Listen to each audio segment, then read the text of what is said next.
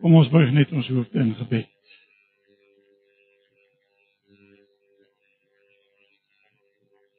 Here ons het pas gesing. Dit dit sal stil maak. Dat U vir ons sal help om deur U woord U stem te hoor. En dat U Gees hierdie letters sal lewend maak ook in ons eie harte vandag.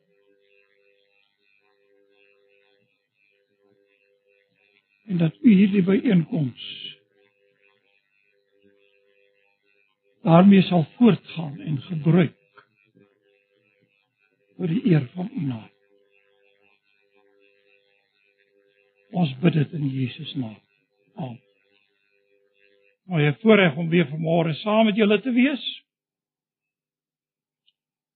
en om aan te gaan met Romeine. Dan mag dalk nou diegene wat sê wat sal sê jy kry ons dan nooit klaar nie. Maar ek moet daarom ter selfverdediging sê uh daar was 'n groot onderbreek onder onderbrekings tussenin.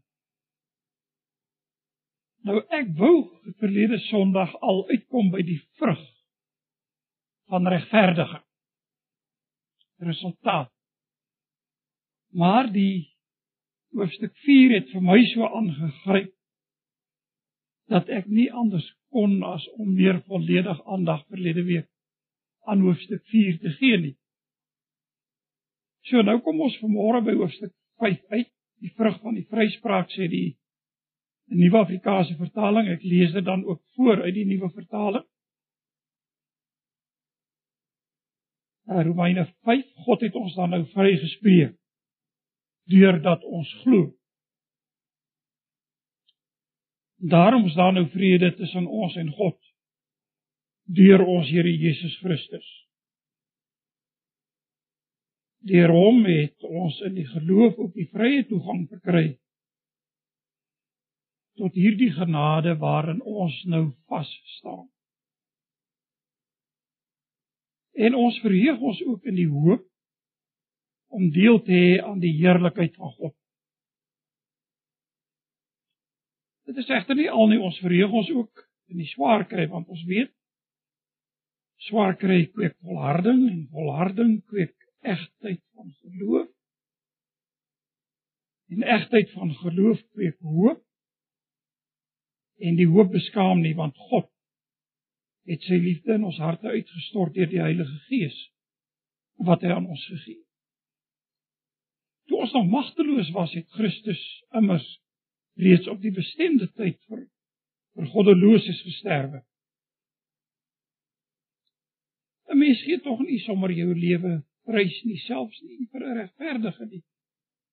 Ja tog, vir 'n goeie mens sal iemand miskien nog die moed hê om te sterwe, maar God bewys sy liefde vir ons juis hierin dat Christus vir ons gesterf het toe ons nog sondaars was.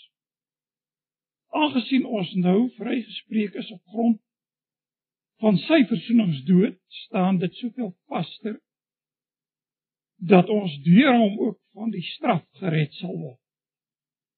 Aangesien ons toe ons nog vyande was, deur die dood van sy seun met God versoen is, staan dit nou soveel vaster dat ons nou dat ons versoen is, deur die lewe van sy seun gered sal word. Maar dit is nie al nie ons verheug ons ook in God. Deur ons Here Jesus Christus deur wie ons nou die verzoening ontvang het. Verder nog dit.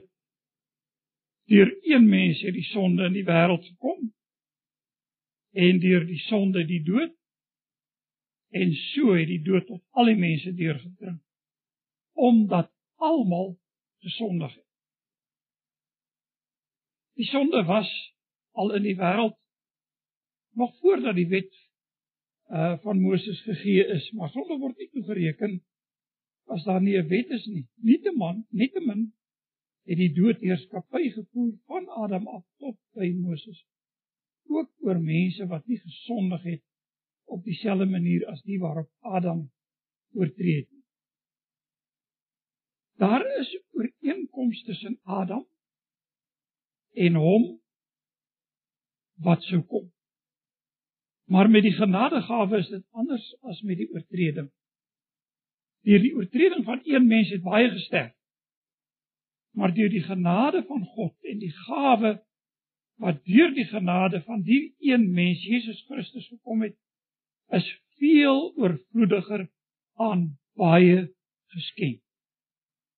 En met die gawe van God is dit anders as met die sonde van die een mens. Op die oortreding van die een mens het die oordeel gevolg. En dit het tot veroordeling gelei, maar op die baie oortredings het die genadegawe gevolg. En dit het tot vryspraak gelei. Lees net tot hier. Sal verder gaan met hierdie hoofstuk en dan weer terugkom na van die gedeeltes. Nou u sal onthou net om die geheue te verfris. In in in Hebreë gaan dit in Romeine oor die geregtigheid van God. Ons het begin by God se geregtigheid wat sien hier in die aanklag teen ons. Die skuldbrief. In hoofstuk 1, 2 en die begin van hoofstuk 3. So is skuldig. God se geregtigheid sien hier ook in die vryspraak. Want waar ons die vonnis moet ontvang, skuldig, kom staan daar een in ons plek. En hy ontvang die vonnis, hy word skuldig verklaar. En hy dra ons straf en deur sy dood het daar vir ons verzoening gekom. En ons verkry hierdie vryspraak slegs deur geloof. En verlede week het ons gekyk na Abraham as voorbeeld van geloof. Hoe dat besnedenis en onbesnedenis Abraham hulle vader kan noem. Omdat Abraham geglo het voor hy besny was, is hy ook die vader van die gelowiges wat onbesnede is maar ook die vader van die gelowiges wat besny is. So dis wat Romeine 4 in Hebreë vir ons verduidelik hoe dat Abraham dan eintlik vir ons die voorbeeld is van iemand wat teen hoop op hoop het. Met ander woorde sy absolute vertroue op God geplaas het en op die belofte wat God gemaak het. En dit bring vir ons so dis vryspraak uh, klagstaat vryspraak en dit bring vir ons by die derde gedeelte wat is die vrug van hierdie regverdige of hierdie vryspraak in jou en in my lewe.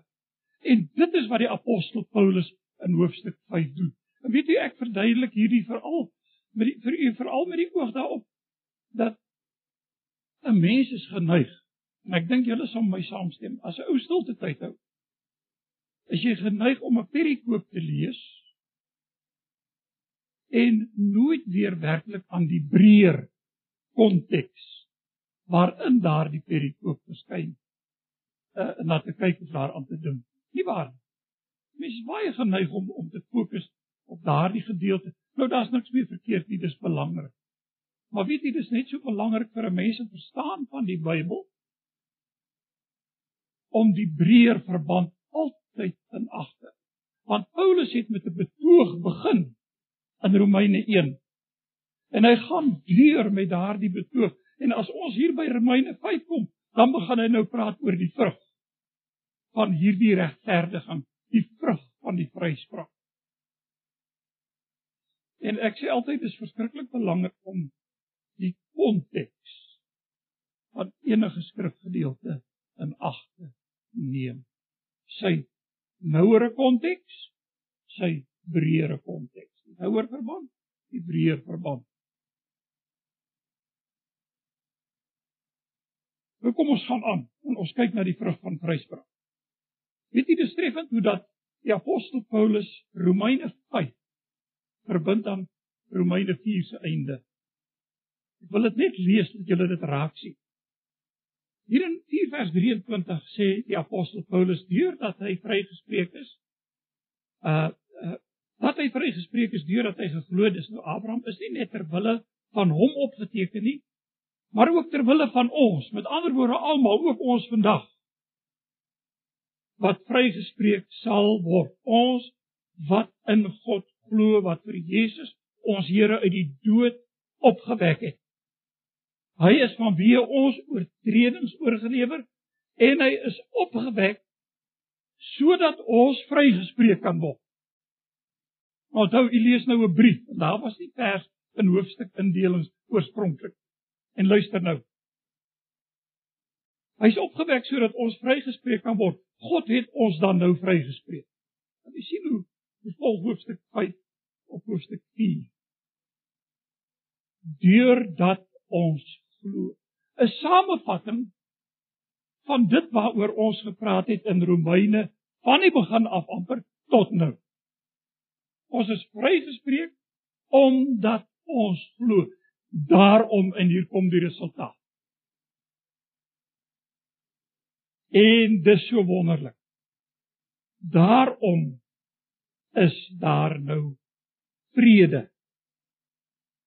tussen ons en God deur ons Here Jesus Christus.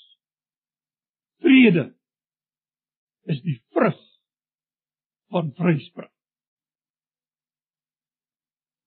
Vrede is dit waarin jy en ek deel omdat daar 'n verbroke verhouding was wat deur die Here Jesus herstel is. Vrede is daar omdat ons in vyandskap van ons kant af met God was.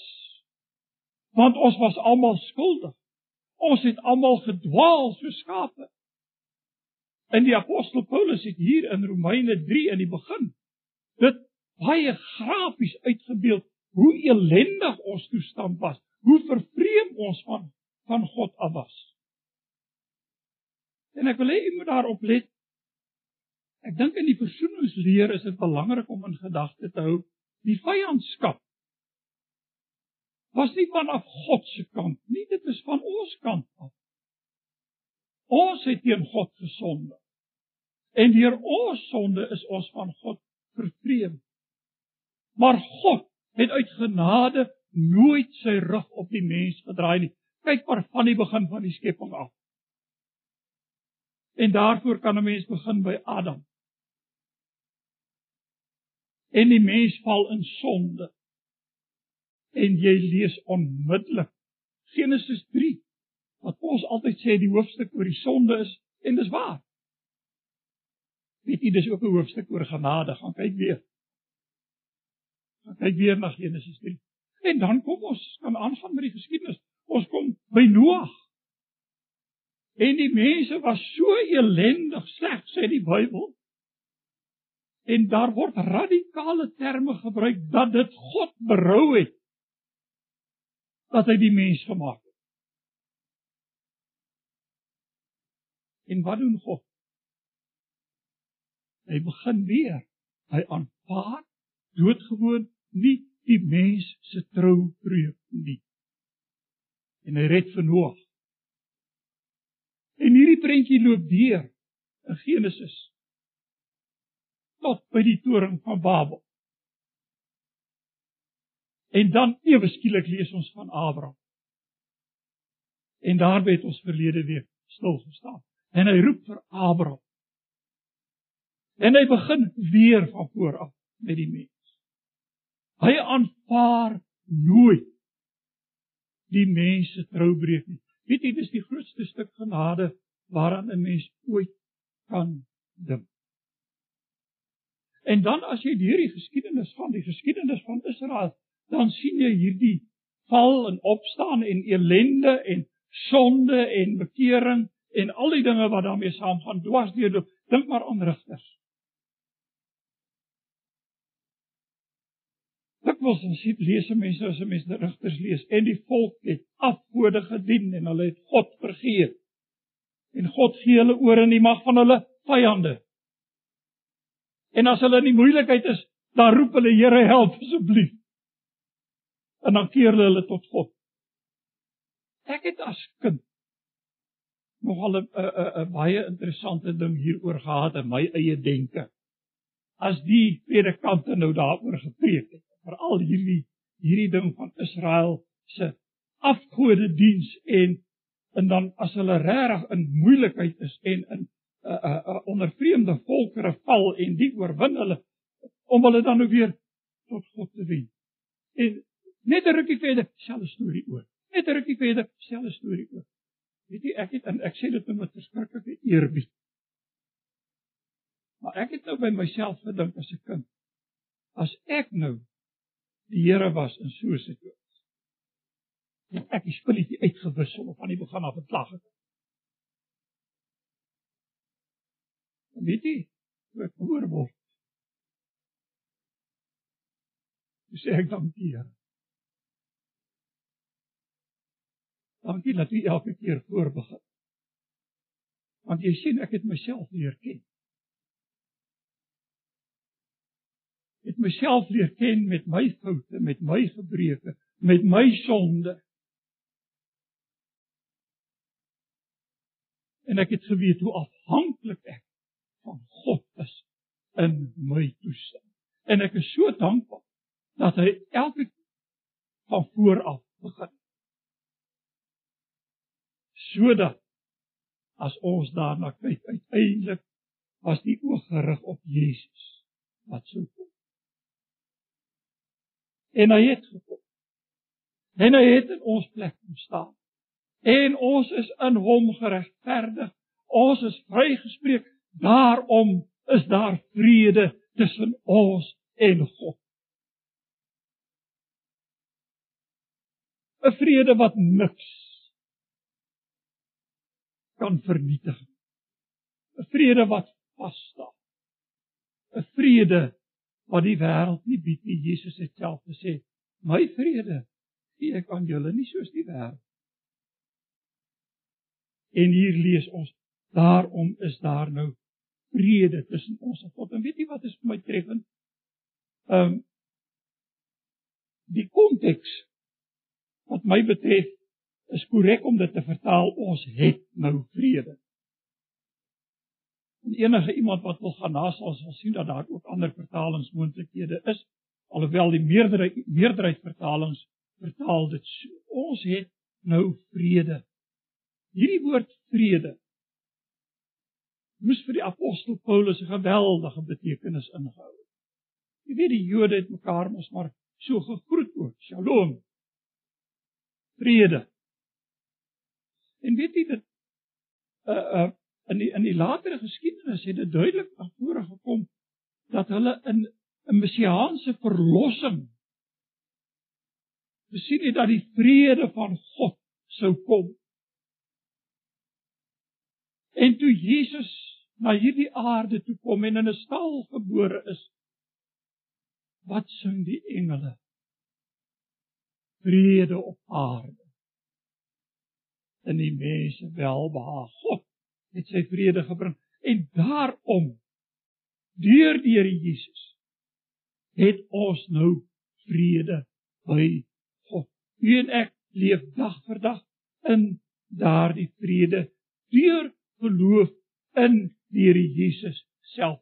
Ons aanvaar en ons ervaar sy vrede. En dan gaan hy aan. Lê jy met 'n paar woorde omkring in u gedagtes. Vrede is die een.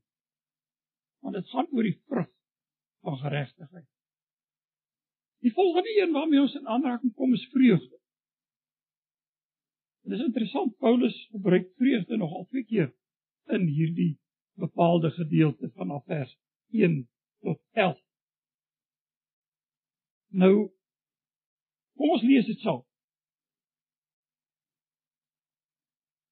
Deur hom, dis deur die Here Jesus, het ons in die geloof ook vrye toegang verkry tot hierdie genade waarin ons nou vas staan en ons verheug ons in die hoop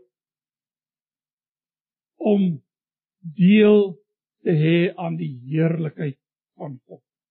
So die apostel Paulus sê ons het vrede by God. Ons staan in hierdie genade waarin ons leef.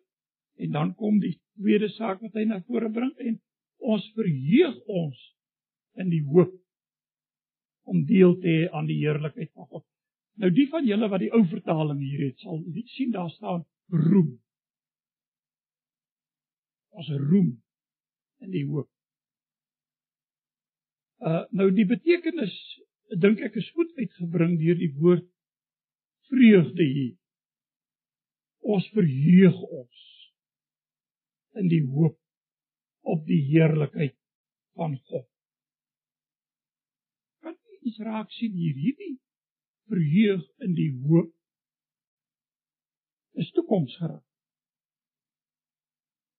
Ons verheug ons nou in die hoop op die heerlikheid van God. Daar's 'n toekomstige element in teenwoorde. Maar ons verheug ons in die hoop. Nou weet jy, hoop in in, in Afrikaans het mos maar 'n 'n wankelrige betekenis, nie waar? Ek meen as ons nou vir mekaar sê uh uh ek ek hoop maar van die beste in hierdie of hierdie situasie, dan beteken dit ek spreek eintlik my twyfel oor die saak uit. Ek is nie seker daarvan nie. Dit is 'n baie onsekere situasie. Ek hoop nou maar net van die beste. Dis hoe ons die woord gebruik. En weet jy dis interessant, dis nie hoe die apostel Paulus die woord gebruik nie en dis nie hoe die Bybel die woord gebruik nie. Want dit die verlede week het ons gesê Abraham het teen hoop op hoop geglo. So met ander woorde, al die omstandighede was teen hom. En daar was menslik gesproke geen hoop dat hy 'n nageslag enigsins sou hê nie. Maar God wek bykans letterlik uit die dode 'n nageslag op, want sy eie toestand was verstorwe. Die moederskoot van Sara was verstorwe, maar hy glo teen hoop op hoop, so daar's 'n element van sekerheid. Wanneer die apostel Paulus praat van hoop, Abraham glo teen hoop en nou praat hy hier van in die hoop om deel te hê. Met ander woorde, hierdie hoop om deel te hê aan die heerlikheid van God is nie moeg getroffen nie. Dis geensins bedoel om onsekerheid te weet, wees nie. Wat is geloof? As ek nou vir 'n definisie van geloof sou wou vra, en die van julle wat katekisasie gehad het, sal dadelik sê, né, Hebreërs 11 vers 1. Geloof is 'n vaste vertroue op die dinge wat ons hoop. 'n Bewys van die dinge wat ons nie sien nie. Hoor jy die woorde wat gebruik word? 'n Vaste vertroue op die dinge wat ons hoop. 'n Bewys van die dinge wat ons nie sien nie. Dink weer aan Abraham. Hy glo teen hoop op hoop. Waarop glo hy? God se belofte dat God sy belofte aan hom sal waar dat hy sy belofte aan hom sal waarmaak dat daar vir hom 'n nageslag sal wees. Hoe onmoontlik dit ook al mag lyk, hy glo teen hoop op hoop, 'n vaste vertroue op die dinge wat ons hoop. 'n Bewys van dit wat hy nie kon sien nie. So daar's 'n absolute sekerheid verbonde as die Bybel hier met ons praat van ons hoop ons ons verheug ons in die hoop om deel te hê aan die heerlikheid van God. Nou hierdie heerlikheid van God is 'n verwysing na die grootheid en die majesteit van God in sy reddende genade voltooi afgehandel wanneer ons met hom sal wees. Weet jy die Bybel gebruik terme wat ek is ek het al baie keer gesê ek is eintlik bang om dit aan te haal. Onthou die apostel Johannes het in 1 Johannes 'n interessante opmerking gemaak as Jesus weer kom sal ons hom sien van aangesig tot aangesig. En as ons hom sien, en weet jy, ou sê dit eintlik saggies want dit klink amper asof 'n mens heiligskennis gee. Want, want wat sê hy? Ons sal wees soos wat hy is. Broers en susters, ek verstaan nie die omvang daarvan nie. Ek dink nie ons kan dit verstaan. Verstaan nie die implikasie daarvan. Ek dink nie ons kan dit verstaan nie. Ek dink ons is te beperk. Dis te groot, dis te heerlik, dis te omvangryk. En nou kom die apostel Paulus en hy sê, ons is vol vreugde, ons is vol blydskap. Ook in die hoop, daai vaste sekerheid om deel te hê aan die heerlikheid van God. Toekomsgerig, ons sien uit na daardie dag. En weet jy, ek het 'n vermoede dat ons as gelowiges vandag die wederkoms van die Here Jesus baie sterk uit die oog verloor. Ek dink nie ons leef in die verwagting wat die Nuwe Testamentiese kerk geleef het beleef het met die oog op die wederkoms van Christus.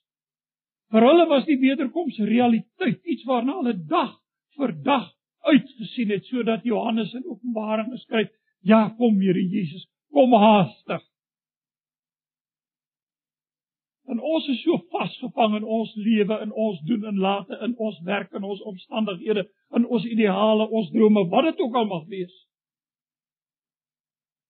Dat ons in 'n groot mate en ek sê ons spreek nie net vir julle direk, spreek vir ons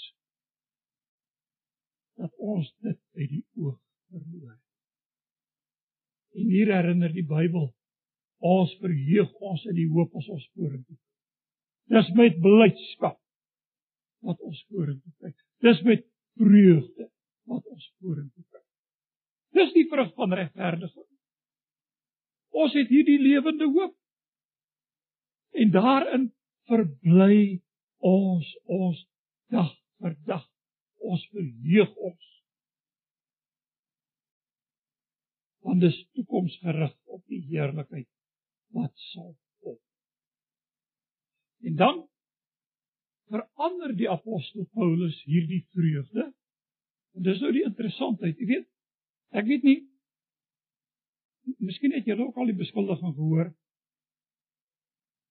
dat mense sê Christene is ouens wat met hulle op daar in die lug loop in 'n droomwêreld en jy weet nie met die realiteite rondom hulle rekening hou nie. Dit is interessant, dis nie wat Paulus doen nie. Luister wat sê hy. Dis egter nie al nie. Ek is hier by vers 3. Ek is nog by vreugde. Ons verheug ons ook in die swaarkry. So hy's by die hede, hy's nou hier. Ons verheug ons in die hoop op die heerlikheid van God maar ons verheug ons ook in die swaarte. Of soos die ou vertaling praat van roem. Weet swaar kry is nou een ding wat nie een van ons aanhou. En ek het hierdie swaar kry is baie moeilik definieerbaar hieruit of Paulus nou bedoel het en dit kan wees dat hy verwys na die vervolging wat die Christene deurgegaan het. En iemand het verlede week vir my 'n blaadjie in die hand gestop hier wat ek gelees het oor mense wat vandag terwille van hulle geloof in die Here Jesus Christus op die wreedaardigste maniere vervolg word. So vervolging is 'n realiteit. Wat dit betref kan ons sê nou maar ons weet nie wat dit is nie. Maar ek reken die apostel Paulus kon 'n swaar kry hier ook bedoel dat alles is nie altyd vir die Christen net rose en maanskyn.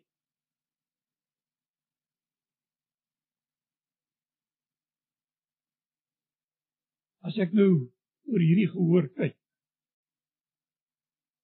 dan wonder ek of hier iemand is wat sou kan sê, "Ag ek het nog nooit in my lewe swaar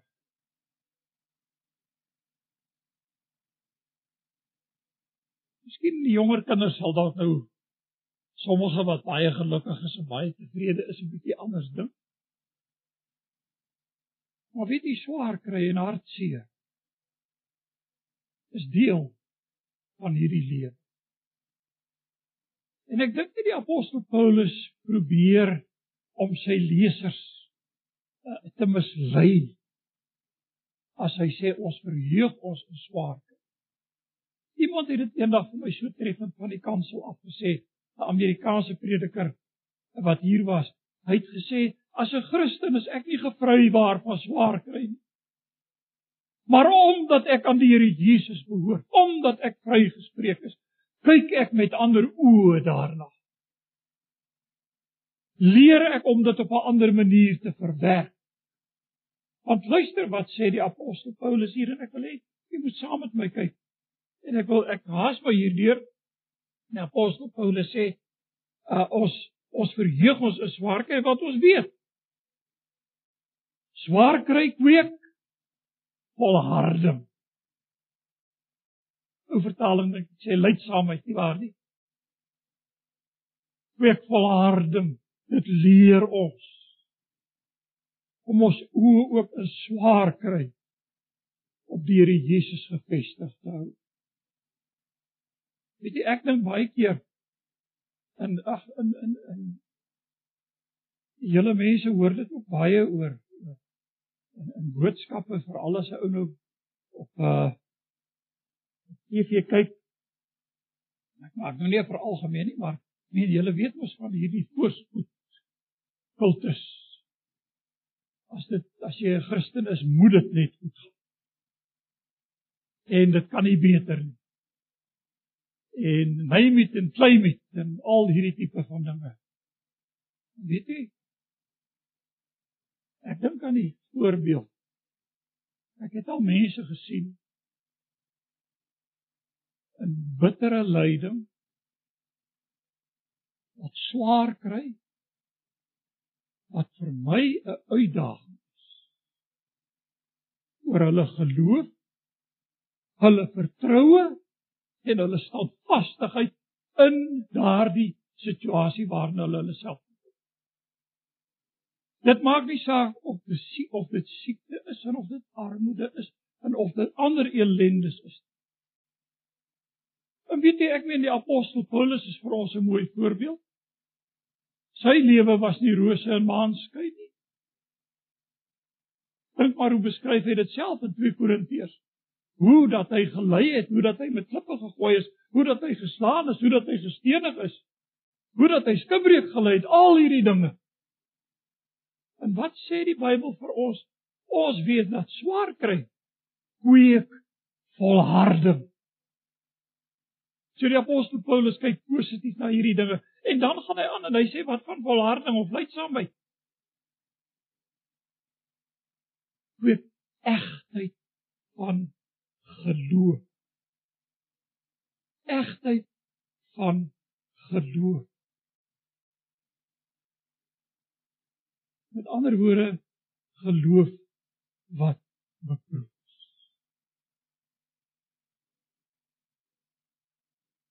En waarskynlik, en weet jy, ek is ek is vreeslik bang om oor die dinge te praat. Want broer en suster, hoe weet ons wat lê op ons pad? Ek het al baie gesê Ek weet nie wie van julle ooit geluister het. Ek het geluister, ons was bevoorreg my studente daar om uh, ek ek weet nie of julle die naam van onthou nie van Harlan Popov. Daar was twee ouens wat in Russiese gevangenisse was, groot opslag gemaak het.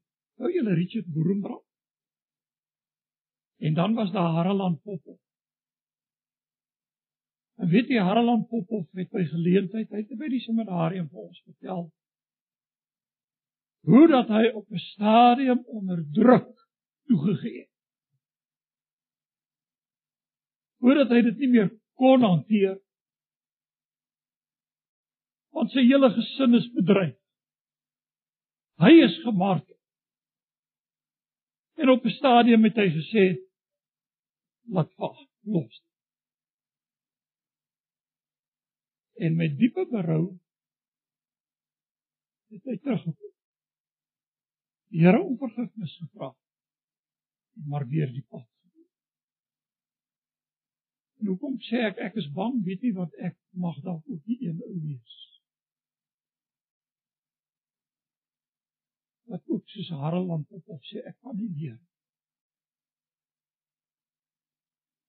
En nou word geloof getoets, die egtheid van geloof. En die egtheid van geloof en ons is terug by waar ons begin het. Kweek hoop. Daar die sekerheid waarvan ons gepraat het, dit kweek hoop. Dis die waarheid. Dit is die resultaat van hierdie regverdiging. Ons het vrede by God. Ons is vol vreugde in die hoop op die heerlikheid in die toekoms, maar ook in die swaar kry van die hede. En weet jy, asof dit nie genoeg is nie. Ek weet dis daar fout met julle oorlosies. Myne loop so vinnig. Luister net hier. Dis een van die wonderlikste dinge waaraan ek kan dink is dat God in sy woord ten spyte van al hierdie dinge vir jou en vir my vanmôre nog waarborge gee. As daar dan enige vrees in ons harte vanmôre is. En as jy dalk soos ek bang is om baie van hierdie dinge te sê, dan gee hy vir ons waarborge. En hierdie waarborge lees ons hier vanaf vers 6. Want hy sê die hoop beskaam nie want God het sy liefde in ons harte uitgestort deur die Heilige Gees wat hy aan ons gegee het. So die hoop staan seker. Hy het sy Gees aan ons gegee. 'n Waarborg. En luister nou hier, toe ons nog magteloos was, en nou hierdie woordjie magteloos gryp my so aan die hart want dit wys hoe ellendig en arm en naak en blind ons eintlik voor God was. Kon niks vir onsself nie doen nie. Ons was skuldig toe ons nog magteloos was. Het Christus immers reeds op die bestemde tyd vir die onregverdiges en vromes nee. Hy sê vir die goddeloses gesterf. watter groter sekerheid. Te midde van ons krisis, te midde van ons swaar kry, het ek hierdie waarborg dat Christus vir my gesterf het. In my verlore toestand het hy dit gedoen. En nie, Paulus gebruik 'n pragtige voorbeeld. Hy sê 'n ou sal dalk miskien nog nie moet hê om om vir 'n slegte mens nie, maar vir 'n goeie mens sê jy dalk nog die moed hê om jou lewe te waag. Sê jy dit doen? Vir 'n goeie ou. Ek sê twee keer dan.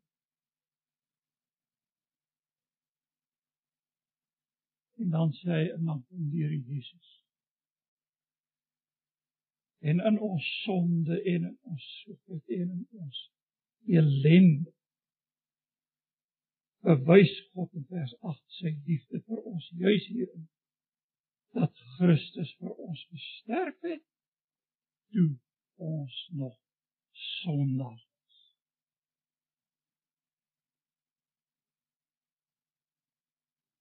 Nou kan u sien die waarborge wat God gee, sy Heilige Gees, die feit dat Christus vir ons gesterf het toe ons nog sondaars was, staan on wankelbaar vas. Te midde van ons twyfel, te midde van ons swakheid, te midde van ons onsekerheid waarin ons telke male gedompel word. En ek ek ek kan met vrymoedigheid vir u uitdag. Hier is nie een wat hier sit vanoggend wat nie al twyfel beleef het in jou lewe. Ek weet in my jong dae het jy nie durf waag om dit te sê nie want dan as jy sommer hel toe gestuur. is te bang om te sê. En die dag toe ek waag om my mond oop te maak en te sê maar daar kom vertwyfeling in my lewe, toe vind ek uit 'n skare van mense wat saam met my sê, maar ons beleef baie keer dieselfde ding. Maar weet jy in daardie twyfel kan ek omdraai en sê, "Maar Christus het vir my gesterf." Toe ek nog 'n sondaar was, dood in sonde, die ellendigste van alle mense, die skuldbrief wat my skuldig verklaar deur en deur. Jy sal onthou die uitdrukking wat ek gebruik het, dis op die randjie van die afgrond na ewige hel en jy klaar jou balans verloor.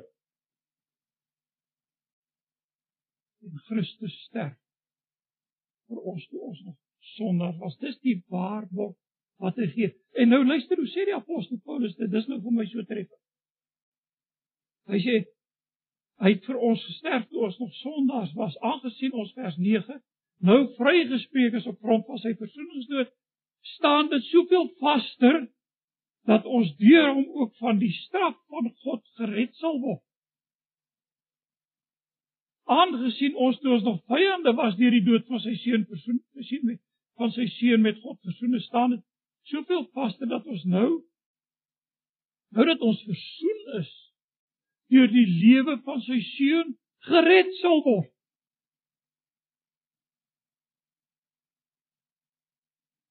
Broer en suster, 'n groter waarde is daar nie.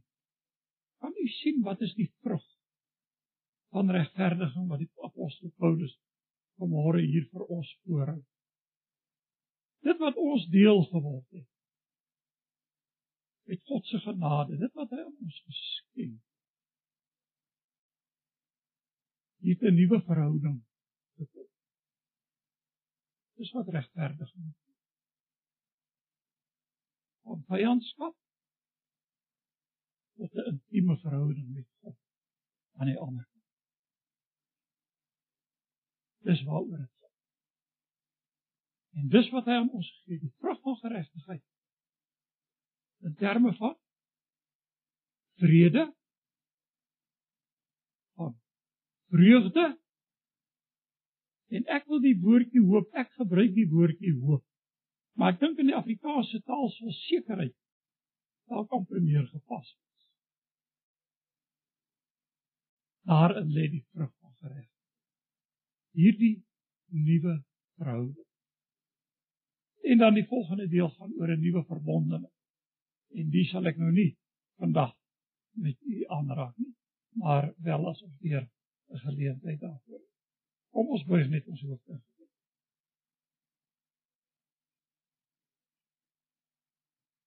Baie dankie Here vir die grootheid en die wonder van die vrug van regverdigheid. Dankie vir u vrede. Dankie vir u vrede. Dankie vir die hoop wat u aan ons gegee het deur die Heilige Gees. Wat u aan ons gegee Dankie dat U dit vasgemaak het. In die Here Jesus wat vir ons gesterf het. Ons nog sondig is. Help vir ons om vreugdevol daarin te leef. Ons bid dit in Jesus se